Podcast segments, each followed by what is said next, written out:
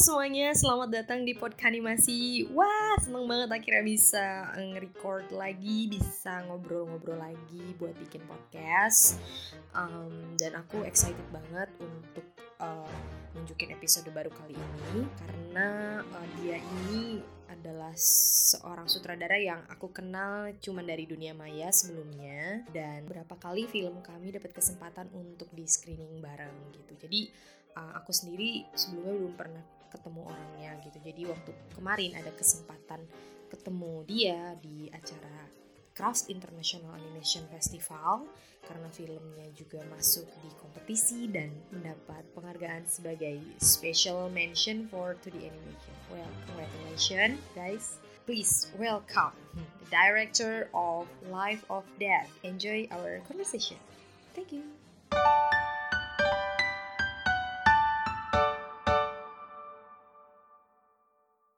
Oke, gue Jason Kiantoro. Uh, gue bikin uh, film animasi 2D short namanya Life of Death. Um, gue lulusan dari UMN. Life of Death itu adalah uh, graduation film gue sama satu orang lagi Brian Arfiandi yang sayangnya nggak bisa datang ke acara craft ini. Jadi ya gue ke sini untuk apa represent kita berdua gitu dan ya yeah, been having fun. Selamat ya. Thank you. Dapat special mention for 2D animation. Uh, thank you. Tapi ini bukan yang pertama juga kan? Bukan. Sebelumnya boleh nggak kalau di share udah ke mana aja film ini dan udah dapat penghargaan apa aja? Kalau ke mana aja kayak gue udah nggak inget at this point ya. Um, kalau di Indo udah ke mana ya? Kayak Jogja sebenarnya udah pernah, cuman itu kayak ke parade film MMTC, kayaknya itu di Jogja deh. Cuman nggak datang. Sewon screening, cuman gue lupa ada di mana. Um, Sewon screening itu di Sewon, kampus gue. Di Sewon. Oh di Jogja juga ya? Ya, jadi oh. kalau parade film itu MMTC, kalau Sewon screening itu kayak eventnya di event screening di kampus. Oh. Itu pas tahun berapa? Tahun lalu. Oh, ya. Oh, Oke. Okay. Uh, terus apa lagi ya? Jakarta berapa kali kayak di acara gemar film pendek gitu kan? Di acara kecil yang ada ngadain apa? Ya kayak diskusi film pendek bareng-barengan gitu. Kemarin ternyata si Brian ada ketemu si Mas Hiza juga katanya di situ. Sebelumnya. Sebelumnya. Oh, gitu. kayak kebetulan banget gitu. Terus apa ya? Beberapa kali di kampus. Kalau keluar apa ya? Baru kemarin ada masuk di Jerman terus di Austria beberapa kali di Yunani di Texas pernah sekali uh, apa acara mini kino film festival mereka banyak banget mau ngirim film kita ke apa Austin Film Festival di Texas yang biasanya harus bayar gitu. Terus kita jadi like uh, salah satu dari dua film pertama yang masuk situ. Sayangnya nggak bisa jalan nggak ada duit. Terus beberapa tempat lain tapi kalau untuk tempat yang kita apa ya kita tuh fortunate enough untuk dibayarin pergi sama festivalnya itu ada Hong Kong Taiwan um, sama Jepang dan itu tuh gue unforgettable banget sebenarnya sih. Wow gila udah ke mana-mana. Terus yang baru-baru kemarin aku lihat kayaknya habis dari Malaysia juga ya? Iya. Itu kompetisi juga? Itu ada kompetisi iya. Jadi Malaysia mereka kan apa industri kreatifnya diurusin sama aneh apa organisasi namanya MDEC kan MDEC hmm. gitu. Uh, terus mereka tuh kayak backcraftnya Malaysia intinya. Oh. dan mereka ya setiap tahun untuk beberapa tahun ini ngadain konferensi gede gitu di mana mereka masing-masing kayak nge-share ide, nge-share apa pelajaran-pelajaran mereka dapat dari industri animasi kemarin-kemarin, pelajaran kayak dari luar gak ngadain guys dari lo untuk sharing juga gitu tips and tricks or etc etc pelajaran lain. Dan dalam waktu bersamaan mereka ada apa kayak Southeast Asian competitionnya gitu. Dan jadi ya kebetulan kita menang apa second place sama apa ya uh, satu lagi lupa kalau oh ya yeah, Youth Prize. Pengen play sama Youth Prize nya oh. oke okay. bicara soal perjalanan gimana mas? Sekarang kita uh, kembali dulu ke belakang gitu. Gue penasaran uh, uh, dari mana lu bisa menemukan ide film ini? What the background story of this animation movie? Jadi uh, pas kita mulai apa ngerjain TA kita ini tuh bukan ide cerita pertama kita. Ini tuh cerita ke 13 kita. Wow. Jadi apa ya sebelumnya kan gue sama Brian kita udah bikin kayak dua film bareng kan. Satu apa satu itu nggak ada Briannya cuman kayak gue bikin sama tim gue Outgrowth namanya. Terus kedua itu kita bikin film 3D bareng Maikia. Dan kayak dari dua film itu kita kayak udah belajar kira-kira what works what doesn't apa yang kita berdua kira-kira suka in a film dan apa yang kita berdua lagi pengen nyoba sekarang gitu. Dan intinya target kita tuh kayak kita nggak mau bikin sesuatu yang super panjang yang apa ya message-nya kayak terlalu kita pikirin banget sampai susah mikirin cerita utamanya gitu atau enggak susah bahkan mikirin mau masukin apa aja dalam filmnya. Jadi kita mikir let's just do something short let's just do something simple. Soalnya short films are supposed to be short kan. Kayak orang nonton kalau short film paling impactful tuh yang pendek apa pun mereka tuh langsung kayak oh iya gitu dan mereka bakal ingat selamanya gitu kan.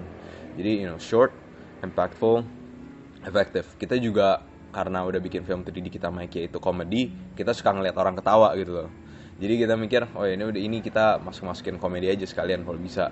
Dan di awal tuh kita malah bikin ceritanya nggak lebih nggak jelas lagi. Kita ngomong kayak gini tapi pada akhirnya kita bertujuan kayak oh oke okay, let's make something yang bikin orang tuh berdiskusi yang bikin orang kayak mau mikir banyak tentang society kita gitu kan. Let's tackle a message gitu.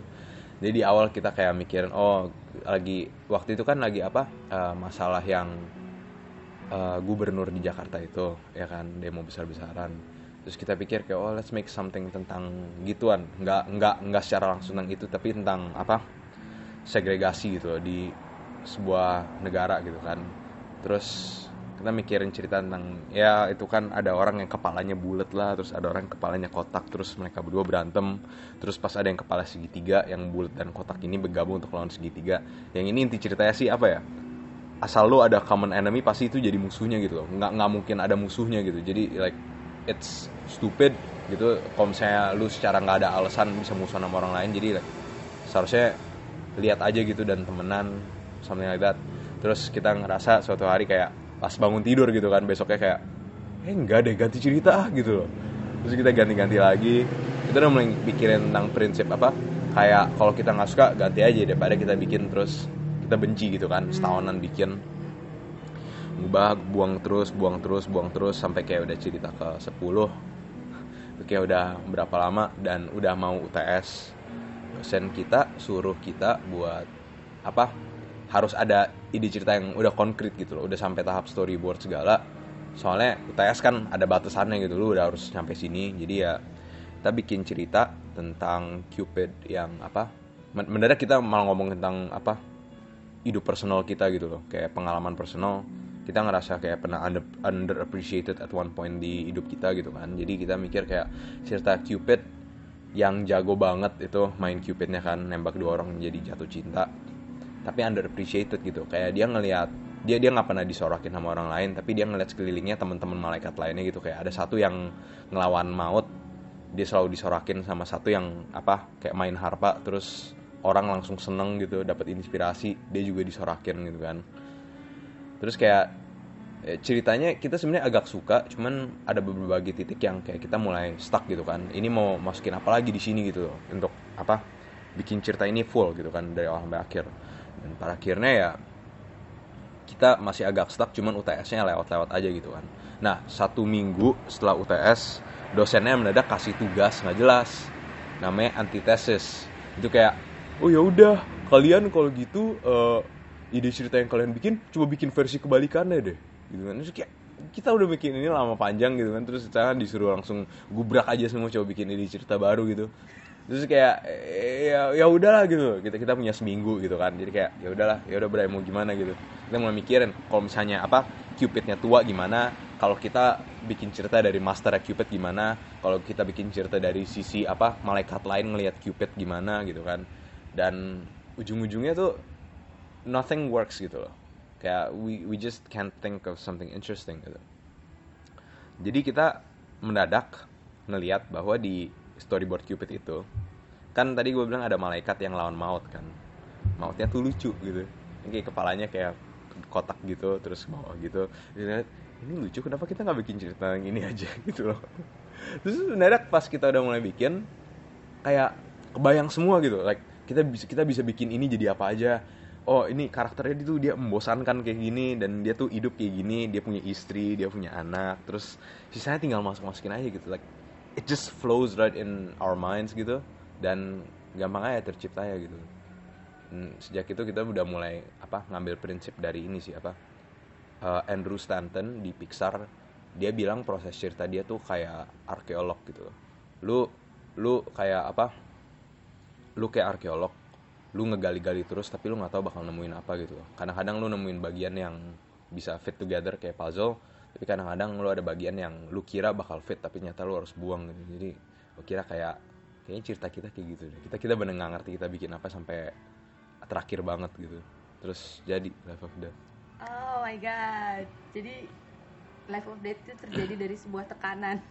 jadi dengan Satu tekanan. minggu sebelum apa pengumpulan apa itu? pengumpulan itu apa bukan satu satu minggu setelah pengumpulan Setelah UTS pengumpulan UTS. Wow. Dari 13 yang ke-13 ya. ini cerita ke-13 gitu Jadi aku kira tuh dia udah ada idenya terus tinggal dikembangin revisi revisi revisi. Tapi ternyata dari 13 itu benar-benar cerita yang berbeda-beda. iya kayak cerita yang totally different semua. Wow, itu berapa lama? 6 bulan. Eh 6 bulan sorry. 6 minggu. 6 minggu. iya.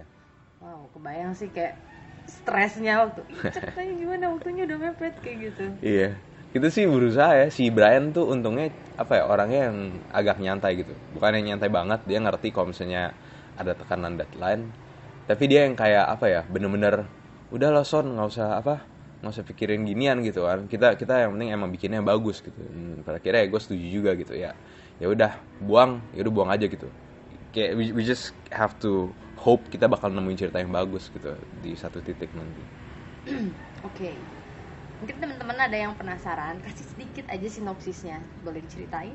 Oke, eh, Life of Death itu bercerita. i- Life of Death itu adalah sebuah mockumentary, yaitu kayak dokumenter palsu em, yang menceritakan kayak tim dokumenter ngikutin karakter Death ini maut Grim Reaper gitu, ngejalanin hidup dia yang membosankan sambil ngebalance apa hidup dan kerja dia. Kayak dia ada kerja nge-rip souls dari bumi dan juga ngebalance hidupnya dengan keluarganya istrinya dan anaknya gitu. Sambil dengerin opini-opini dia tentang apa konyolnya manusia gitu dan apa yang dia suka tentang manusia gitu. Dalam dokumenter yang namanya Life of Death. Hmm, oke. Terus kenapa kalian memilih cara berceritanya dengan dokumenter gitu? Nggak cuman kayak oke ceritain aja langsung kehidupan apa si malaikat ini. Kenapa Hmm. dengan cara seperti itu? Apa memang kalian sebelumnya uh, terinspirasi dari se- sebuah dokumenter atau oh ya udah ternyata jadi gini. Hmm. Kita kan nganggap ini kan ceritanya apa ya? Temanya sebenarnya agak agak depressing kan. It's about death gitu loh. And lu ngelihat orang tuh mati di sini di situ gitu loh. Dan kita apa ya? eh, baca-baca dan mulai sadar juga. Gue lupa quote dari siapa. Bahkan satu orang di Indo ada bilang gitu kan. Lu ada tema yang depressing atau sad gitu. Kalau lu deliver secara komedi, orang bakal lebih gampang nelennya gitu. Eh, jadi pada akhirnya tuh kita emang rencana masukin komedi tapi susah masukinnya kita kan emang kayak yang lu bilang kita udah coba apa pakai banyak framing device gitu kita coba mikirin komsi ini kita cuma ngeliat si Dat jalan-jalan doang gimana gitu kan terus kayak it doesn't work it's so depressing gitu si Brian bahkan kayak ada sempat gambar satu storyboard gitu kayak orang gantung diri lewat aja gitu terus terus ada apa? Yang lain kayak kalau misalnya si Death cuman ngenarasiin hidupnya gimana gitu kan sambil ngeliat dia hidupnya gitu kayak jalan-jalan sini situ. Tapi pada akhirnya it still didn't work gitu kan. But that's the best we got at, apa di titik itu. Sampai suatu hari si Brian lagi nonton banyak dokumenter tentang Michael Jackson kan sama James Randi. Dia tuh kayak apa uh, magician yang benci magician lain yang ngibulin orang kayak oh ini magic beneran gitu bukannya trik sulap gitu kan. Jadi kayak kadang-kadang dia ngelihat ada momen-momen yang sebenarnya nggak sengaja lucu di dokumenter gitu. Terus kita mulai ngomongin tentang itu terus gue bilang ke dia kan kayak oh iya kayaknya gitu kan ada banyak filmnya deh. Terus gue kasih dia kan Borat eh, terus Modern Family Brooklyn 99 ini kayak series yang apa pakai kayak shaky camera terus apa actionnya spontan banget gitu. Ah iya iya. gayanya kayak semi documentary gitu kan padahal scripted semua isinya. Terus kita emang ngelihat bahwa apa ya biasa tuh komedi dalam documentary gitu itu tuh emang apa ya karena actionnya spontan semuanya kelihatan nggak sengaja gitu. Jadi apa pun yang lucu itu nggak disengaja semua tapi lucu juga gitu. Um, kita mulai ketemu satu reference yang paling perfect buat kita What We What We Do in the Shadows by Taika Waititi itu adalah film dokumenter tentang tim dokumenter yang lagi ngerekam kehidupan vampir jadi itu menceritakan tim dokumenternya sendiri. Enggak, vampirnya. Jadi Oh, kayak oke. ada tim dokumenter yang ngerekam satu Ah. kosan isinya vampir semua gitu. Terus kayak setiap vampirnya kayak ada apa sejarahnya gitu. Ada satu yang kayak oh iya gue cinta sama ini orang gitu kan dari berapa tahun yang lalu, 90 tahun yang lalu gitu. Terus jadi kayak ini di, di kayak dikasih lihat gitu dia ngeliatin rumahnya gitu kan. Sekarang dia udah nenek-nenek 90 tahun masih diliatin gitu dari jendela setiap malamnya sama vampir ini satu gitu. Ada juga yang kayak apa berubah jadi kelawar malam-malam terus berantem sama vampir lain lah ada banyak yang lucu lah berantem sama werewolf tengah-tengah tapi karena dokumenter dibikin kayak serius banget padahal enggak gitu loh Hmm. kita mulai sadar ya apa pun ini si Brian yang ngeteorin juga apa pun yang nggak lucu kalau misalnya sebenarnya nggak ada apa kayak pointless gitu. Lu rekam dengan gaya dokumenter pasti jadinya lucu. Dan gue nggak bisa buktiin itu lu harus coba sendiri. Cuman lu bayangin kayak apa ya ada orang gitu kan mak- makan banyak banget gitu makan dalam sekaligus terus ngupil gitu. Ya kalau misalnya lu lihat aja ya lu ketawa aja gitu. Cuman kalau misalnya lu rekamin terus lu kayak narasiin kayak dokumenter gitu. Komedi langsung gitulah Mockumentary ya namanya. documentary namanya Mockumentary. Jadi memang dari eh, dari pas sudah nemu ide cerita itu kalian langsung tahu oh ya oke kita bikin mockumentary. Hmm, si Brian sih yang itu heavy heavy lifting di mockumentary si Brian sih. Dia yang harus nge-eksperimen shots, harus nge-eksperimen dengan ini itu. Terus kita mulai ngomongin apa ya, kayak apa yang kita masukin, apa yang kita keluarin. Intinya kita revisi-revisi sampai kayak storyboardnya enak gitu. Hmm. Ya, gue lupa sih kredit title-nya, tapi yang nulis filmnya, Kita ber- kita kalian berdua, iya. Ini semua filmnya kita bikin berdua sih. Wow. Gimana rasanya kerja berdua dan dulunya sutradara gimana gimana sih bagi bagi job desk-nya? Hmm. Ada yang spesifik nggak yang satu fokusnya apa atau kalian bener-bener Oke, kalau buat apa bagian job desk itu kita kan bukannya kayak cuman co-directors terus ada tim di bawahnya. Ini literally kita bikin berdua doang. Jadi kalau misalnya mau ngomongin ap- ada apa yang perlu direvisi gitu atau nggak kita masing-masing punya opini lain, gampang gitu. Kita tinggal perlu ngomongin berdua doang kan. Dan karena apa? Sorry. Karena kita udah deket banget gitu kayaknya nyantai aja gitu nggak pernah ada rasa kayak Bray ini gimana ya gitu terus mendadak kita ngomong berapa hari gitu kan terus mendadak balik lagi baru damai gitu kita mah langsung apa kayak ada opini beda. Kita ngomongin masing-masing alasannya kenapa. Biasa dalam 15-20 menit langsung ada satu apa satu conclusion gitu. Oh ya udah kok gitu. Kayaknya mendingan ide lu gitu. Oh ya udah gue ngerti gitu kan. Kayak mendingan emang kayak gini gitu. Jadi apa ya uh, resolving issuesnya gampang gitu. Untuk bagi job desknya sih uh, ada beberapa yang emang skill setnya nggak kita berdua punya gitu kayak contoh uh, editing sama compositing sama VFX gitu gue yang ngurus semua. Soalnya si Brian nggak punya apa skill set di situ kan. Tapi storyboarding gue lebih percaya ke Brian uh, apa ya key, an- key animation kita ngerjain berdua tapi gue ngasih lebih berat ke Brian. Soalnya apa ya draftsmanship Brian lebih kuat daripada gue. Kayak dia kapasitas dia untuk gambar banyak hal dalam sekaligus kenceng banget soalnya dia kan emang komikus sekarang kan. Oh. Background dia emang komik gitu. Jadi ya ada beberapa ya kita ngeliat lah plus minus kita apa aja terus kita bagi kerjaan sesuai itu. Untuk filmnya sendiri kayak bagian pre-production animating bikin apa kayak concept art um, in betweening coloring gitu segala kita ngerjain bareng tapi di semua bareng-bareng ya gitu. semua bareng-bareng. Itu sendiri kan dari proses penemuan cerita kan sekitar 6 minggu ya. Mm-mm. nah itu tahun berapa? Tahun dua tahun lalu 2017 berarti ini filmnya udah sekitar 2 tahunan ya Iya. Eh, Februari depan udah nggak bisa masukin festival lagi kayaknya. Soalnya kan katanya ya film itu umurnya cuma 2 tahun gitu kan. oke Kita pertama keluarin film Februari tahun lalu. Jadi Feb- Februari tahun 2017 18. oh 18 ya nggak bareng dong sama ya gue juga di sekitar 2018 Hmm. oke terus production uh, productionnya berapa lama dari setelah 6 minggu itu enam minggu itu kita kan kebanyakan pre-production kasar. Abis itu nggak sorry, enam minggu itu kita baru nemuin cerita puasnya sendiri itu kan enam minggu lagi kan. Jadi enam minggu itu kita bikin pre-production nah, sampai bagus gitu. Terus karena sistem TA ya apa ya di kampus kita tuh lu tuh nggak bikin TA cuman satu semester doang karena ada kurikulum baru dua semester gitu. Jadi semester 6 dan semester 7 dua-duanya dipakai buat TA satunya buat pre-production satunya lagi buat produksi sampai kelar gitu. Jadi itu apa ya 6 minggu sisa dari semester 6 kita pakai buat kelarin pre-production Life of Death gitu. Ah. soalnya baru jadi gitu kan pas minggu ke 6 nya terus apa ya ya selama libur kita kayak banyak yang kita masih ngerasa kurang kita revisi-revisi sih. Kita cuma kayak ngarep aja sih dosennya nggak apa-apa gitu. Dan mereka nggak apa-apa gitu. Kayak- kayaknya uh, dosennya sendiri asal ngelihat ini like this will work gitu. Asal mereka confident kayaknya kita bisa kelarin mereka oke gitu. Jadi selama liburan kita udah mulai production terus ya kelarnya pas itu apa puas semester depannya pas semester 7 gitu. Jadi overall setahun setahun. buat produksinya sendiri tapi setengah tahun durasi? Durasi durasinya. filmnya. Mm, lima menitan. Lima menitan. Lima menitan. Pas gue nonton gak kerasa banget loh kayak lo udah selesai? I want more. I need story gitu. Jadi memang perlu banget ya. Gue gue dengar cerita lu risetnya banyak banget. Dari baca buku nonton banyak film dokumenter. Wow, untuk satu hal itu emang beberapa ya kan diwajibin sama dosen ya soalnya TA kan. Kita disuruh, disuruh skripsi juga gitu. Tapi eh, seharusnya kayaknya nggak sedalam itu sih. Kayak si Brian kan ngomongnya tentang shot gitu dan gua ngomongnya tentang color kan eh, di skripsi kita gitu.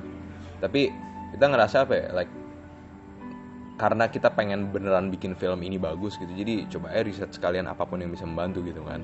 Jadi ya gitu aja.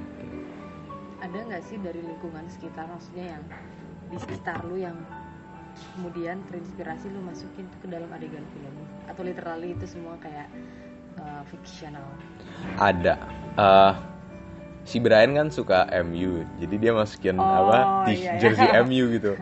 Terus ya gue gue mikir kayak apa ya kayak itu kan setan Brian bikin aja itu jadi saudara si Date gitu. Terus itu jadi joke satu di filmnya. Eh, ada yang lain Michael Jackson juga ada albumnya gitu kan. Hmm. terus gue sendiri masukin apa ya ada plesetan dari album Tulus kan Turis namanya di lemarinya dia. Terus apa ya em, dosennya kayak ada neken kita pakai Indo-Indoan kan kayak apa masukin Indonesia ke dalam film kita gitu. Soalnya emang kesannya kita punya asing banget gitu. Jadi apa ya gue ngerasa kayak masa masukin batik-batikan gitu lagi? gitu kan. Itu itu malah jadinya nggak masuk akal gitu. Jadi paling nggak gue ada preman gitu. Kayak apa ada dua preman berantem terus di belakangnya itu kan ada background di jalanan. Itu soalnya gelap nggak kelihatan tapi kalau misalnya lu terangin layar terus lu lihat diem itu dekat-dekat itu ada tulisan-tulisan yang terinspirasi dari apa? Kayak tembok-tembok graffiti Iya. sebenarnya Ah, kayak iya. graffiti di daerah dekat kampus gua gitu. Kayak ada tulisan nggak jelas kayak NKRI harga mati lah terus ah iya lu lihat deh. Iya iya. Terus apa ya? Uh, pom bensin terinspirasi dari Pertamina gitu kan warnanya dan apa? Yang terakhir apa ya? Uh, kuburan kuburannya jenisnya kayak kuburan Indonesia gitu. Jadi panjang-panjang gitu kan. Iya. Gitu. Ada batu nisan ada batu nisan yang, terus bawahnya kayak yang, ada yang sebenarnya itu memang cuma ada di sini kan. Heeh. nah iya. Ini gitu pas kita Oke, cek. Ya sih. Ya sebenarnya mau masuk masukin unsur ke kebudayaan juga bukan soal batik juga sebenarnya hal-hal kebiasaan kan. Hmm. kayak gitu yang memang sering terjadi di sini. Berarti kalian juga ya memperhatikan uh, social issues di kita kayak apa sih di apa di sekitar lingkungan kayak gimana kayak gitu. Terus em, kalau kalian sendiri waktu pas uh, bikin film ini kesulitannya di mana sih? Hmm. nggak ada kah Enggak sih, pas, pasti ada gitu. Cuman kayaknya udah lupa kayak udah saking lewatnya lupa. Eh, kayaknya kebanyakan justru paling sulitnya itu nemu cerita awalnya sih. Nemu cerita life death-nya sendiri di awal gitu. Terus apa ya? ngerasa confident bahwa ini cerita yang bagus gitu Oke, guys, sorry. Jadi tiba-tiba memory card full, terus obrolan kita yang hilang. Tapi ya, aku langsung sadar cepat. Abis itu langsung record pakai handphone. Jadi so sorry banget atas terpotongnya obrolan tadi yang lagi seru-serunya. Selamat mendengarkan lagi.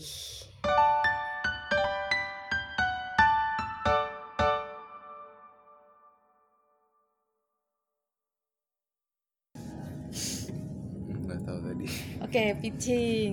Kalau kalau misalnya itu itu memang inisiatif kalian sendiri kan berarti atau memang kalau di sana tuh diwajibkan oke kalian kalau punya cerita harus di pitching ke teman-teman gitu. inisiatif kita sendiri sih Uh, kita tuh waktu itu pernah diajarin pitching kan kita pernah ada kelas storyboard sama setiap kali kita bikin film 2D atau 3D disuruh pitching Mm-mm. tapi uh, kita sendiri tuh dosennya kebanyakan karena apa ya beberapa dari dosennya tuh kayak cuman perlu mikirin nilai doang gitu. Nggak sempet ngajarin kita sebenarnya pitching itu apa gitu kan. Kayak pitching itu seharusnya kayak gimana. Jadi kita tuh tahun-tahun sebelumnya disuruh pitching ya kita kira kayak oh formalitas doang gitu. Ngapain kita harus ngurusin gini kan. Terus kita ngejabarin storyboard depan mereka dan yang kita lakuin tuh cuman kayak Oh ya, jadi ini tuh shotnya kayak gini artinya. Yang ini tuh kita taruh high angle soalnya kita mau dia ngerasa kecil. Terus shot yang berikutnya ini kita taruhnya sebelah sebelahan terus sejajar. Soalnya kayak gini-gini gitu kan. Terus kayak pas kita udah kelar apa ya, Mikey ya film yang komedi kita itu ada awal, kita tuh mulai kayak ngeliat-liat di internet sebenarnya pitching itu kayak gimana gitu kan. Kayak di Pixar, di apa Disney gitu dari dulu mereka pitch gimana jadi it's not about like explaining your shots sama sekali gitu. Sebenarnya lu bahkan seharusnya nggak explain your shots gitu. Lu cuman perlu apa? ngegayain aja setiap panel itu apa gitu. Jadi kayak sini sini dia kayak gini, terus kayak gini, terus kayak ah oh bruk jatuh gitu loh. Jadi segimanapun juga make it as entertaining to your audience as possible gitu. Oh. Intinya kayak ngesimulasiin filmnya pas filmnya masih belum ada gitu. Jadi kayak audience tuh udah nonton final productnya cuman masih versi jeleknya gitu kan. Dami. dummy gitu yes. Um, kalau nggak kan lu nggak dapat reaksi kan? Masa lu mau ngejelasin shotnya gitu kan? Kayak kita kita nonton kan nggak sebenarnya nggak benar perhatiin shotnya gimana gitu. Kita kan liatin filmnya secara keseluruhan gitu kan. Kalau nggak ya nggak dapat reaksinya. Jadi kita ngeliat tuh kebanyakan emang apa mahasiswa yang lain nggak ngeliat ginian terus kita kayak hoki ngeliat video gini terus apa ya suatu hari bilang kita ngobrol aja gitu. Kayak Bray kita coba kayak gini deh. Kalau kita nggak tahu loh benar lucu atau enggak gitu. Oke gitu. Terus kita pelajarin cara nge-pitch yang benar dan kita lakuin aja gitu. Oke. Eh, berarti kalian tuh open banget gitu loh untuk didiskusiin dan eh, kalian merasa ini penting untuk eh, tahu respon orang kayak gimana. So karena penting kan tahu reaksi orang kayak Iya. menurut mereka gimana responnya kayak gitu. Dan setiap lu pitching itu gimana tuh respon dari teman-teman setelah eh, melihat cerita kalian? ya biasa tergantung orangnya deh kita apa ya kalau lagi pitch di kelas kan orangnya banyak gitu ya jadi ya mereka ketawa-ketawa mereka enggak itu tuh kayak udah feedback yang cukup buat kita gitu jadi palingnya kita tahu yang mana yang lucu yang mana yang enggak gitu kan terus ya, karena banyak orang kita nggak mungkin nanya mereka satu menurut mereka apa gitu. Wow banyak. Ya satu Ya, kelas gitu. satu kelas kan kayak like 25 orang gitu nonton kita atau 25 sampai 30 ya kayaknya lihat reaksi mereka aja udah cukup gitu. Tapi kadang-kadang kita kan kayak datengin apa dosen-dosen kita yang apa ya bukan di animasi ada satu di DG gitu yang Hmm. dia pernah ngerjain komik dulu. Pokoknya dia jago cerita gitu yang kita nge-pitch juga biar ngeliat kayak menurut dia gimana dan juga gue ada banyak temen film kan yang kayak apa jago nulis cerita juga terus menurut mereka apa. Kalau dari mereka itu kita baru bisa minta feedback gitu. Kayak apa oh iya menurut gue bagian sininya kayak nggak guna soalnya lu udah ngelakuin di awal juga gitu. Oh, menurut gue bagian sini nggak usah ditaruh juga soalnya sama sekali nggak nyatu sama cerita bagian lainnya gitu. Lu ketemu banyak orang, lu pitching juga Hmm. banyak banyak orang. Gimana cara lu mem- mem- memfilter semua masukan-masukan mereka yang lu kan pasti milih-milih kan, Hmm. pasti bingung kan kalau banyak orang yang ngasih masukan kayak gitu. Lu sama Brian gimana cara menyikapi itu? Kalian pasti diskusi lagi berdua. Hah, selalu sih gitu sel- apa ya ya masa bodoh ini yang nggak kayaknya nggak bermanfaat buat kita gitu loh ini ber, apa sesuatu yang benar subjektif sih kita kayak nggak ada peraturan objektif kayak oh kalau orangnya pinter masukin kalau orangnya apa kredibilitasnya bisa dipertanyakan mendingan nggak usah nggak ada begituan kan? Itu semua orang kita terima dan juga kayak apa ya ya intinya kalau kayaknya masuk akal buat kita kita lakuin. Kalau enggak ya ngapain gitu. Nanti kita yang bakal kesel sendiri juga gitu kan. Segampang itu sih kayaknya kalau sama Brian sih. Oke, jadi kamu eh udah emang udah ada apa sih namanya chemistry ya kerja bareng sama Brian. I would say so. I think so. Bukan yang pertama juga, yang keberapa tadi? Apanya Ya bikin film bareng. oh ini udah film ketiga kita bareng ah, enggak ini udah film kedua kita bareng cuman kita udah ngerjain banyak proyek sebelum sebelumnya juga Tapi yang bener-bener bareng-bareng. tuh- bener-bener bareng berdua doang itu ini Hmm, iya, iya. Sebelumnya mm, Mike Mike Yev apa tadi? Makia itu ya itu 3D animated short kita bikinnya berlima 3D. 3D Oh, so ken- kenapa terus akhirnya memutuskan bikin 2D? soalnya kita nggak bisa 3D jadi uh, kalau buat film 3D kita kemarin kan bikinnya berlima. Ah, iya iya. kita tuh berlima sebenarnya nggak ada yang suka 3D Tapi itu karena tugas. sama itu karena tugas. Gue suka apa ya gue suka compositing kan.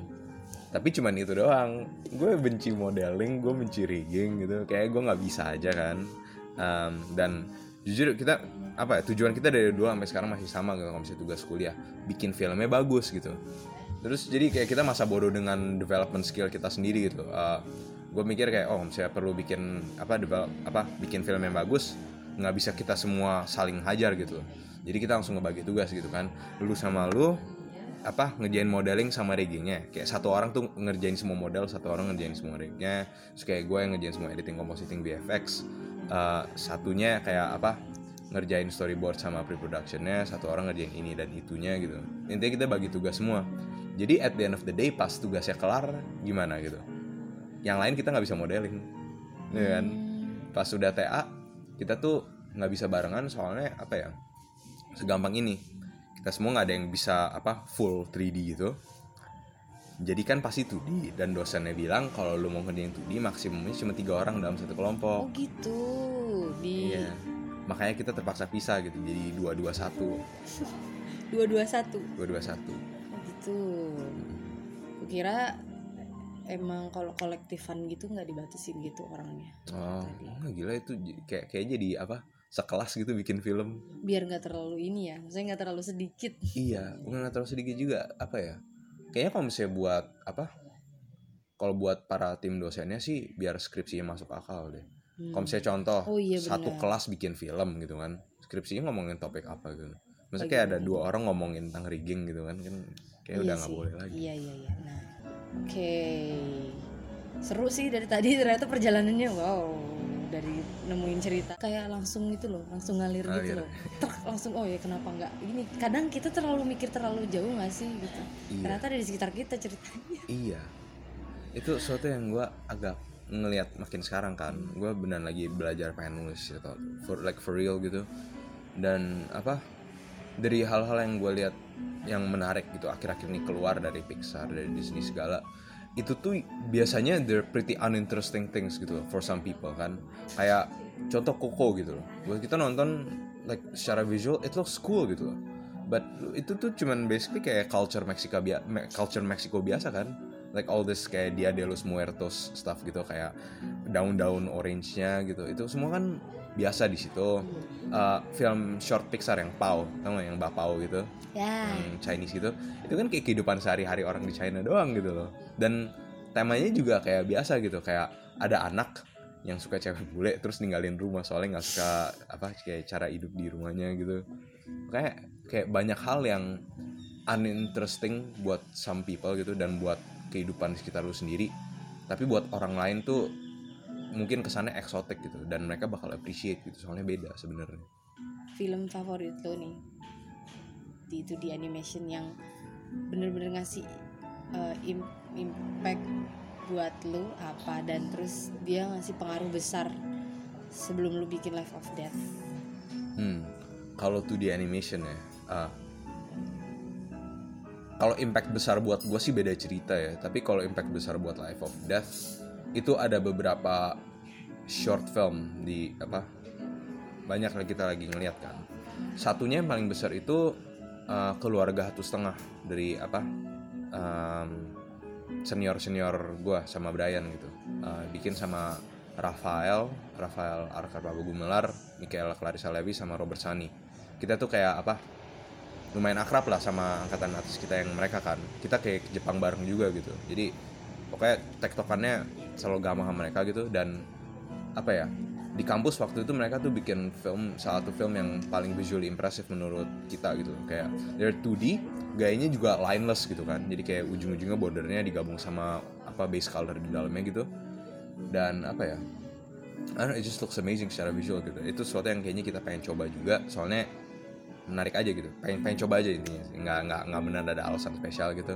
Terus kita mulai lihat film lain ada film kayak Phantom Limb uh, by siapa? Gue lupa. Uh, salah satu orang dari late night work club gitu. Kayak beberapa orang yang kerjanya entah ngapain tapi pas pulang pulang dari kerja langsung ngerjain animasi gitu. Film 2D tentang apa ya? Ada orang tangannya putus terus tangannya nggak hantuin dia gitu. Kayak lucu. Tapi it's so simple secara visual menarik gitu. Mereka lebih ngegunain shape shape yang enak dan flat colors daripada sesuatu yang keribetan gitu. Uh, Ruben Leaves sesuatu yang parah banget simpelnya itu cuman ngeceritain tentang orang yang gue lupa sindromnya apa ya. Cuman kayak dia benar obses dengan kayaknya OCD doang sih obses dengan apa hal yang terjadi di rumah gitu. Jadi dia kayak keluar rumah terus selama di jalan dia ngelihat keliling-keliling yang dia bisa inget cuman kayak gue udah matiin belum ya itu apa kompor di rumah gue udah tutup belum gue udah kunci belum ya pintu gue udah ini belum ya. Ah, itu air gue udah matiin dari dari bak mandi gitu. Jadi lucu banget Eh, empat dari teman kita eh, Ariel Victor. Dia kayak direktor banyak 2D short fil- short animated film gitu di Indo. Dan apa? Dia kayak bikin this one very simple film um, cuman tentang ngomongin tentang generasi sekarang aja gitu ngeliatin horoskop lah gitu kan kayak identitas pilih dari HP aja gitu loh. Lucu gitu. Terus beberapa lah kayak film-film yang random gitu short film yang kita nonton di internet. Tapi apa ya yang ngegabungin mereka semua itu kesannya apa film-film yang berkesan sama sih. Pendek tapi kita bisa inget terus. Hmm, kalau misalnya dokumenter dan apa mockumentary selain yang vampir itu? Borat sih. Borat lucu sih. Tahu gak enggak oke itu gimana aku bisa nonton Borat? Netflix nggak tahu ada atau enggak sih nggak tahu lagi gimana caranya sekarang sih. Filmnya udah lumayan lama sih. oh. Itu tentang apa ya? Ada aktor Sasha Baron Cohen. Ini ini kayak mockumentary levelnya lebih tinggi lagi deh. Soalnya semuanya tuh improvisasi. Kayak nggak ada yang scripted. Jadi ini orang Sasha Baron Cohen dia benar nyamar jadi orang apa di Uzbekistan namanya Borat. Terus dia keliling-keliling pura-pura mau belajar cara hidup orang Amerika gitu dan orang-orang yang dia nyamperin percaya aja gitu. Jadi kayak itulah spontannya gila sih lucu banget. Gue nggak bisa jelasin komedinya soalnya emang agak apa agak kasar sih. Oke Tapi mungkin lucu. nanti gue bisa nonton ya. Iya. Saya itu apa pop stars never stop never stopping. Em, filmnya dimainin sama itu apa band boy band The Lonely Island. Eh, mereka ngomongin tentang ini orang yang apa kayak pop star yang fame-nya tuh udah ketinggian banget tapi kayak hidupnya dia di apa hidupnya dia itu mulai hancur gitu kayak ceweknya mulai ninggalin dia lah teman-temannya mulai ninggalin dia dan pengaruh lagunya kan. Kayak lagunya tuh isinya liriknya kayak jelek-jelek semua jadinya gitu. Terus mendadak fame dia mulai turun gitu dan itu jadi kayak filmnya itu perjalanan dia mulai naik. Tapi itu komedi so it's not kayak inspiring apa itu lucu aja sebenarnya dia kayak dokumenter dokumenter yang apa saking grandurnya gitu jadi lucu gitu. Soalnya kayak nggak mungkin ini terjadi di dunia asli gitu. Lalu ada nggak sih eh, komedi Indonesia yang kalian suka kalian berdua suka? Komedi Indonesia yang kita berdua suka ya? Ya selain kalian dapet komedi itu dari documentary. Hmm. Indonesia kita soalnya kayak jarang nonton sih sebenarnya sih. Eh, Indonesia kalau misalnya di Indonesia palingan kayak hal-hal yang nggak sengaja terjadi gitu. Konyol. Yang konyol aja kayak apa sih? Kita nggak gitu suka nonton film Indonesia ya. Kayaknya mungkin selera humornya beda aja Beda. gitu kan. Kita lebih suka ngelihat kayak hal-hal yang bodoh yang nggak sengaja terjadi gitu. Kayak kesalahan dalam film. Gitu kita mereka bikin film gitu. Terus ada seseorang ngomong suatu yang ngaco dan nggak masuk akal di cerita kita ketawain begitu jadi itu jadi komedi. Itu jadi komedi. Seharusnya ada sih yang kayak gitu kan. Kayaknya dulu pas kita kecil banget ada satu acara namanya extravaganza tau gak? Ya dia kan kayak Saturday Night Live ya Indonesia ya gitu kan. Iya dulu favorit sih. Iya dulu itu itu lucu banget. Gue kayak ngom sampai sekarang bilang itu lucu banget. Dan gue ngeliat kayak comedy show sekarang personally speaking kayaknya humornya emang beda sama gue gitu. Mungkin karena jenisnya improv gitu kan. Dan improv Indonesia itu not something yang gue suka lah entah karena bahannya atau karena cara mereka bahas komedinya gitu. Tapi extravaganza tuh apa ya mereka kan setiap setiap episode mereka benar mikirin skripnya mereka benar mikirin skitnya timing buat editingnya apa apa segala gitu. Mereka pikirin pokoknya untuk dapetin ketawa gitu. Dan itu bekerja menurut gue soalnya diniatin mungkin I'm not sure. Mhm. suka SN SNL suka. Oh oke. Sekarang udah nggak gitu sih. Mungkin karena castnya udah beda. Tapi berapa tahun yang lalu suka. Berarti kalian berdua tuh seneng humor begitu ya? Seneng banget maksudnya hal-hal yang lucu gitu. Biasanya yang nggak sengaja lucu nggak sih. sengaja nggak sengaja lucu. kayak hal bodoh aja gitu kita ketawain gitu kan.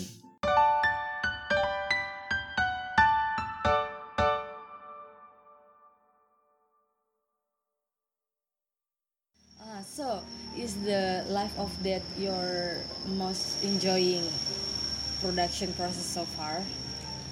menurut gue iya sih menurut gue iya sure like I mean it gets boring down the road soalnya emang cuma berdua doang gitu kan dan ya soalnya kerjanya intens juga kita kelamaan di komputer gitu kan dengerin musik yang sama terus gitu kita juga kerjain di tempat masing-masing kan dia di kosan dia gue di rumah gitu Oh, jadi remote. Tapi Remote. Beberapa waktu kalian juga ngerjain bareng gitu. iya. Eh, pas pre-production kita ngumpul-ngumpul terus sih. Tapi kayak apa ya? Kan rumah gue dekat kampus terus kosan dia depan kampus gitu. Jadi gampang lah misalnya komunikasi. Tapi ya you know, emang lebih nyaman pasti ngerjain di tempat masing-masing kan. Soalnya gue punya itu desktop gue nggak ada laptop. Dan dia ada laptop gitu. Dan di kamar gue nggak ada kursi dan meja lagi soalnya. Hmm, oke. Terus kalian eh, apa ya? Itu kan kalau tugas akhir tuh apa ya? Kesannya tuh kayak bagi sebagian besar mahasiswa menyeramkan, pressure-nya gede. Cara kalian untuk eh, tetap kreatif dan bisa menikmati itu dengan stres yang mungkin bagi orang-orang tinggi lah. Gimana? masa bodoh sama dosen itu tapi serius sih kayak apa gini kita kita pengen bikin film yang bagus kan kalau kita bisa buktiin ujung-ujungnya filmnya bagus dosen nggak mungkin ada yang komplain kan? Intinya kayaknya buat kita tuh gitu doang sebenarnya. Kayak itu cuma kayak ngebuktiin aja gitu loh kayak kita bisa gitu. Dan menurut gue pasti kelihatan kalau misalnya lu benar niat gitu kan. Kayak dosen ngelihat mungkin progresnya lambat tapi kelihatan lah ini pasti bakal jadi atau enggak gitu kan. Kayak asal lu setiap kali setiap kali ketemu dosen ada alasan yang lu bisa ngomongin. Lu bisa kayak ngasih tahu kenapa kayak gini kenapa lambat? Emang lu sebenarnya di titik mana dan lu rencana aiming ke mana gitu kan? Ini gampang aja sih. Eh, terus kayak beberapa orang emang biasa khawatirnya kan lebih kayak sisi apa sisi debat sama dosennya gitu. Ngomong-ngomong kayak apa ya? Ya asal lu bisa ngasih balesan yang masuk akal gitu pasti mereka bakal diem sih. Jadi emang apa emang kadang-kadang yang dosen bilang bener gitu kayak ya itu semua tergantung kita sendiri gitu. Kita kita bener ngerti yang kita bikin atau enggak gitu kan. Kalau misalnya lu cuman kayak ngejar apa ngejar lulus doang ya kemungkinan besar lu nggak bakal ngerti lu bikin apa gitu. Dan pas dosen nanya ya lu cuman bisa jawab kayak "Eh, soalnya ya soalnya gitu aja sih pak gitu kan. Ya ya ya itu, itu bukan jawaban yang itu bukan jawaban sama sekali. Gitu aja. Oke oke. Ada ada ritual khusus gak sih eh, dari tim Life of Death ngelakuin hal apa gitu hmm. Selama produksi selain ya mungkin perlu kan ngedengerin musik biar tetap eh, fun lah. Mm-mm. apa kalian berdua punya waktu khusus untuk oke nggak usah ngerjain dulu deh ngapain? gitu? Eh, kalau misalnya ritual reguler? Nggak ada. Gue sendiri sering sering banget procrastinate itu kayak masalah besar kan. Udah ada YouTube ranjang, ranjang tepat di sebelah komputer kan.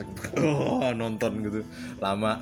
Si Brian dia lebih bisa intens kerja sih asal ada musik Michael Jackson atau Bruno Mars sebenarnya. Dia suka banget itu dua. Dan itu terus diputer? Iya dia kayak seneng banget itu apa Bruno. Mars sama apa tadi? Bruno Mars sama Michael Jackson. Oh jadi dia biggest fan of Michael Jackson? Iya sama Bruno Mars. Itu dua doang. Kayak dia bisa dengerin itu dua doang gitu. Kalau gue sendiri mah playlistnya random gitu. Ah, kayak like funk songs gitu. Tapi at one point pernah sih gue apa kayak saking capeknya gitu kan agak agak stres soalnya lagi, lagi masalahnya bukannya lagi life of death-nya doang gitu ada beberapa hal yang numpuk gitu kan. Eh, selain life of death kita ada sempat ngerjain kerjaan freelance juga gitu. Di mana emang kerjanya bisa kan gue kayak ada ngerjain freelance gue sendiri Brian ada ngerjain freelance dia sendiri gitu. Cuman Brian nggak ngerasa kayak tumpukan stres gitu tapi gue ngerasa kayak udah meluap-luap. Gue bilang Bray temenin gue yuk jalan-jalan dari apa dari UMN ke UPH ya gitu jalan gitu kayak sekitar 3-4 kilo gitu dari satu kampus ke kampus yang lain jalan kaki doang gitu. Terus ya gitu doang sih kadang-kadang. Jalan kaki ya? Jalan kaki. Aku jadi keingetan siapa namanya? Kemarin tuh Masanobu apa? Yukiyoko ya? Masanobu Hiraoka kalau tahu. Itu pernah ke sini nah, dia animator Jepang. Mhm. dia Pak Yuki ya yang aku nanya. Dia juga gitu seneng jalan kaki kayak kayak kayak orang mungkin kan mikir orang-orang hebat orang kayak gitu dia, dia dia punya kegiatan khusus kayak gimana. Dia cuma kayak keluar jalan kaki lihat sekitar kayak gitu jalan kaki gitu. Ya mungkin buat beberapa orang itu kan melihat sekitar lihat ijo-ijo tuh cukup ini ya apa namanya relaxing gitu. Agak ngelupain hal-hal depan komputer nonstop kan. Heeh. kalian kan apa ya istilahnya kita mahasiswa terus kita production cuman kayak kamu berdua gitu. Iya. Ngatur waktunya kan agak susah ya. Iya kayak yang mau bikin oke jam segini sampai segini. Nah terus kalian gimana nga- ngatur waktunya? Haha, Brian sih nggak tahu ya. Dia kayaknya bisa aja gitu. Gue kayak udah punya ngaco punya jadwal yang strict gak sih? Gue pernah. Oke. Pe- apa ya jadwalin strict banget. Pakai software di komputer terus setiap setengah jaman gitu pasti ada sesuatu gitu. Kayak oke jam segini makan jam segini mandi jam segini. Kayak apa ya? Sampai kan gue gue tahu pasti stres perlu di relief dikit. Jadi kayak udah ngejadwalin juga kapan buat main game kapan buat nonton. Kerja jam segini sampai jam segini. Kerjaan dua jam segini sampai jam segini gitu ujung-ujungnya apa? Abis dua hari udah nggak bisa keep up lagi gitu. Pasti ada yang kayak telat bangun terus aduh gimana sekarang? gitu. Ada yang bangunnya tepat terus kayak apa non- kebanyakan nonton YouTube gitu kan terus kayak mandinya telat banget terus mikirnya kayak oh ya udahlah ntaran aja gitu. Palingan nuker ini sama ini terus nggak tuker gitu kan. Terus kayak ngerjain kerjaan satu terlalu terlalu in the zone gitu kan. Jadi kayak kerjaan duanya sama sekali nggak dikerjain sama sekali gitu. Nggak bisa sih.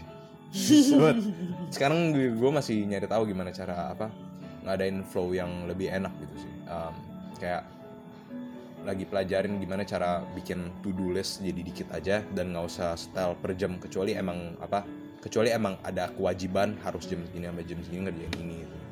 Tapi ya emang masih susah juga. Iya tapi kalian punya ini gak sih eh, target khusus gitu waktu pas ngerjain kayak per hari atau per minggu gitu? Kita ya, pasti ada set deadline set deadline secara itu sih soft gitu. Jadi kayak oke kita paling nggak akhir bulan ini harus kelar shots ini ini dan ini gitu. Paling nggak gitu aja. Tapi apa ya nggak ada kasar kayak oke besok harus kelar ini dan besok harus kelar ini gitu. Soalnya ngerti juga lah kita kita berdua tuh nggak jelas kerjanya. Ya, kadang-kadang kayak son aku eh, si Brian kan son aku apa son aku tidur cuma segini jam doang. Ini besok aja gitu Iya. Gimana kehidupanmu selama proses pengerjaan TA? Kayaknya tuh sebagian besar oh ya ini masalah mahasiswa lah kayak kacau banget lah kayak timelinenya. Maksudnya hidupnya tuh kayak kebalik gitu loh kayak pagi malam malam pagi. Nah iya. itu pasti terjadi juga kan? Pasti sih. Gimana kemarin kalian? Benar berantakan atau bisa tetap balance gitu? Kalau gua kayaknya berdua deh. Kita tuh apa ya berbagai titik nemu balance terus berapa lama kemudian hancur lagi terus berapa lama kemudian nemu balance lagi tuh Eh, kayak suatu hari kayak bisa kayak son aku udah apa kayak tidur lebih awal terus bangunnya lebih, lebih awal juga gitu. Enak terus setiap kali bangun push up juga kayak oke gue juga gitu. Terus ya udah kayak bangun push up kan biar ada gerak dikit gitu terus kerja gitu seneng gitu. Seminggu kemudian karena kayak ada apa gitu kepaksa begadang oh udah dua minggu begadang lagi semuanya emang sering gitu tuh kayak apa jam-jamnya mulai begadang lagi terus ya kebiasaan begadang lagi jadinya gitu. sampai nanti harus di fix lagi lah terus ngulang lagi lah. Kalau kalian berdua lebih prefer untuk kerja lembur atau bangun pagi-pagi banget? Gue sendiri sebenarnya bangun pagi-pagi banget. Kayak misalnya bangun jam 3 subuh gitu. Bangun jam 4 sih. Kayak tidur jam 10 bangun jam 4 makin lama makin susah sih soalnya kayak kerjaannya saking banyaknya rasanya kayak apa kalau nggak dikerjain hari itu juga nggak enak kan. Mhm. tapi jujur gue lebih prefer bangun subuh gitu. Rasanya nggak ada yang ganggu lebih gampang dapat flow. Tapi si Brian dia kayaknya lebih apa lebih bisa kerja lembur sih daripada kerja pagi sih. Dia sekarang bilang lagi benerin mesti dia lagi ngejar deadline komik terus-terusan kan. Dia bilang dia lagi membenarkan udah susah apa udah susah tidur malam banget gitu. Tapi dia sendiri kayak tahu gitu loh dia dari dulu tuh efektif malam gitu. Jadi he's still trying to get around that Iya sekarang. sih karena jam apa ya, jam produktifnya orang beda-beda kan ada Produksi yang orang lebih beda-beda nyaman pagi ada yang lebih nyaman kerjain jam 12 ke atas Iya, dan biasanya tipe kalau misalnya orangnya udah like full time freelance, udah bisa benar ngejadwalin hidup sendiri gitu. Mereka tuh bisa yang kayak oh oke ya, gue tidur tuh dari jam 6 sore sampai jam apa kayak satu pagi, satu subuh soalnya emang jam aktif gue satu subuh gitu.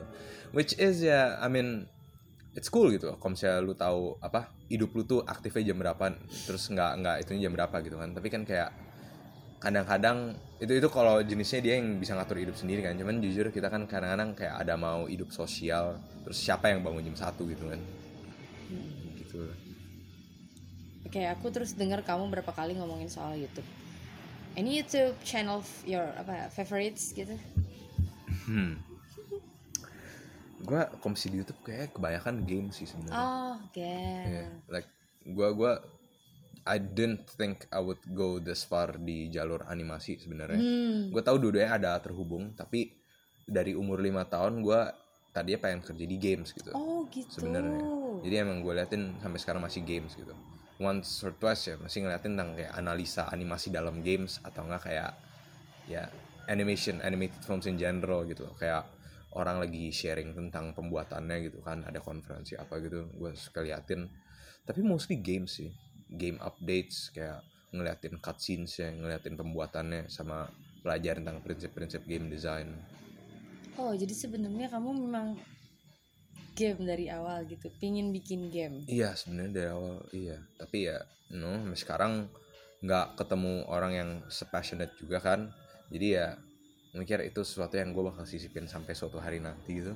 Dan kebetulan pas masuk kuliah juga apa ya? Gak ada jurusan game ya? Kukira ada. ada. Sebenarnya interaktif media design di UMN tapi kayak gue sendiri nggak percaya sih. Gue percaya apa ya? Game design is something yang you need to learn by experience gitu. Dan spending four years di kuliah di mana kayak apa ya? Gurunya walaupun mereka pinter pun apa ya? I mean it's Indonesia gitu loh. Like you don't have people with experience in game design yang gimana banget gitu kan. Kayaknya lebih penting experience gitu. Jadi gua gua nggak nggak percaya aja sekarang. Masih belum gitu. Tapi kalau buat animation kan kadang-kadang ada yang veterans gitu. Jadi ya itu bisa dipelajarin. Kebetulan gue masuk animasi juga I like it gitu. Like like apa ya? Lots of things yang ada di games gitu. Kayak concept art storyboarding itu semua ada di animasi juga kan. And kebetulan gue bersadar ya the one thing yang gue bener-bener suka itu directing gitu jadi ya you know I'm going this path now Okay. If one day you, you have a chance to make a game, what kind of game it would be? Oh, God, uh, something yang sebenarnya bakal apa represent Indonesia sih. And I'm not saying that kayak oh karya anak bangsa Indonesia sekali gue paling benci begituan sumpah. Lu lihat lah, kayak film gue aja kayak Life of Death gitu kan nggak mungkin gue kayak cinta Indonesia mati gitu segala. Basically your story is universal kalau menurut. Iya, makanya gue kayak I'm not trying to represent Indonesia gitu. But, but gue tahu sebenarnya Indonesia tuh banyak hal indahnya dan kebanyakan orang just haven't apa ya dapetin core aja gitu belum belum apa ya nemuin apa yang harus direpresent dari Indo gitu kan let's kayak yang tadi gue bilang gitu some things yang kayaknya kita ngerasa uninteresting maybe exotic for some people gitu kan. Dan itu bisa kayak yang lu bilang gitu dari cara hidup dari cara tahu cara makan kayak gitu kan. Banyak banyak hal lah sebenarnya. Tuh bayangin kayak apa? Cerita kayak Timun Mas gitu loh maksudnya kan folklores. Ya I mean, kita udah dengar ratusan kali gitu. Tapi kalau misalnya lu ceritain ke bule bule lagi sorry. Kalau misalnya lu ceritain ke foreigners gitu mereka juga palingan bakal uninterested. Kalau lu mulai masukin 3x structure gitu kayak like what Disney has already done all the time gitu like make this a proper story siapa tahu bisa jadi menarik kan? Just by the sheer apa kayak power of estetik Indonesia-nya aja gitu loh. Kayak menurut gue kita udah kebanyakan mikirin Indonesia tuh sebagai visual doang gitu kayak masukin batik masukin kayak elemen-elemen candi-candian gitu kan masukin kayak gatot kaca gatot kacaan emas-emasan gitu segala and then that's it udah Indonesia gitu. Cuman I mean it goes deeper gitu. There's apa ya there's Indonesian storytelling there's Indonesian way of living gitu kan. Dan jujur gue pikir bikin game atau bikin animasi itu something yang gue pengen explore sih. Kayak itu bener-bener untapped gitu. Dan gue ngerasa banyak orang yang sebenarnya tertarik ngelihat this done right sebenarnya belum ada aja kayaknya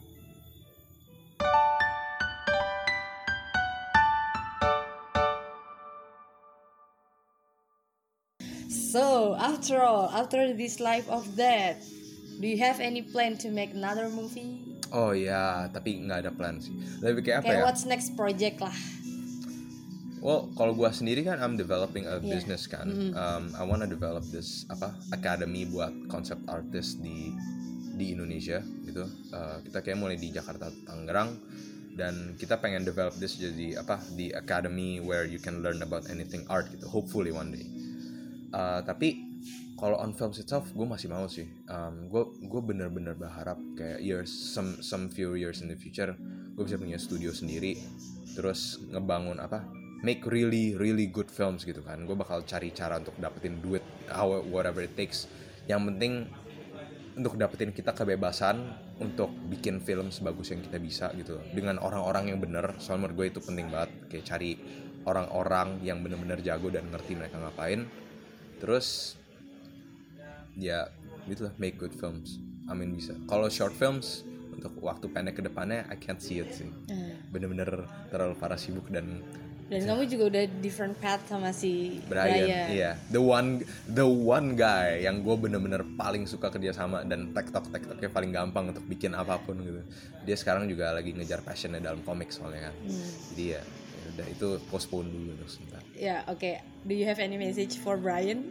for Brian masih kayaknya gue selalu ngomong sama dia sih Biar dia ntar dengerin podcast lu dah. Ah, What Follow ya, Anggi. What what makes you likes him? Yes, ya, another apa ya hal lain gitu selain tadi kayak kan dia kamu bilang the one guy. ya soalnya apa ya I don't know kayak kayak apa ya it's hard to explain tapi kayak it's very easy to connect sama dia aja gitu loh. dari pertama apa dari pertama kita ketemu kan secara random banget loh bukan di kuliah di gereja sebenarnya kan kayak ini lagi random banget terus kayak kita ngomongin tentang komik hal pertama yang dia ngasih sebagai komik kayak kayak dia mau bikin komunitas komik di kampus soalnya kan. Itu bukannya mangga soalnya dan gue kayak bagus bukan mangga gitu kan. Bukannya Jepang Jepangan doang gitu. Terus besok besoknya pas udah ketemu, lebih sering ketemu dia kayak makin ngeliat gitu. Dia dia dia orangnya emang beneran passionate juga kan. Ya sure dia emang lebih fokus ke komik cuman kalau misalnya mau bikin film dia beneran mau bikin film paling bagus juga gitu. Dia tahu gitu kayak di kampus tuh masalahnya kayak kebanyakan orang tuh kayak gimana. Kita setuju aja on lots of things gitu. Dan untuk hal-hal yang kayak kita lumayan nggak setuju ya udah gitu. Gampang gitu kan. Oke. gampang aja. It's just easy gitu. Buat buat kamu sendiri ada kemungkinan untuk eh, kolaborasi nggak sih? Selama orang selain Brian? ya why not gitu. Misalnya ya belum ketemu aja so far sih. Ya, I mean ini bisnis yang lagi gue develop ini this academy itu kan bukannya gue sendiri doang gitu that's also collaboration between dua teman gue lagi yang co-founders gitu tapi on like creative projects masih belum ada, masih belum ada aja sih yang ketemu like I said gitu loh um, kayaknya finding people with apa passion yang setara itu kayaknya agak susah sih biasanya kan Thank you so much Jason. Thank you juga, Makasih banyak ya udah mau aku kepo-kepoin, aku ajak ngobrol. Wah, I mean, thank gue gue banyak yang gue perlu thank ke lu juga gitu kan.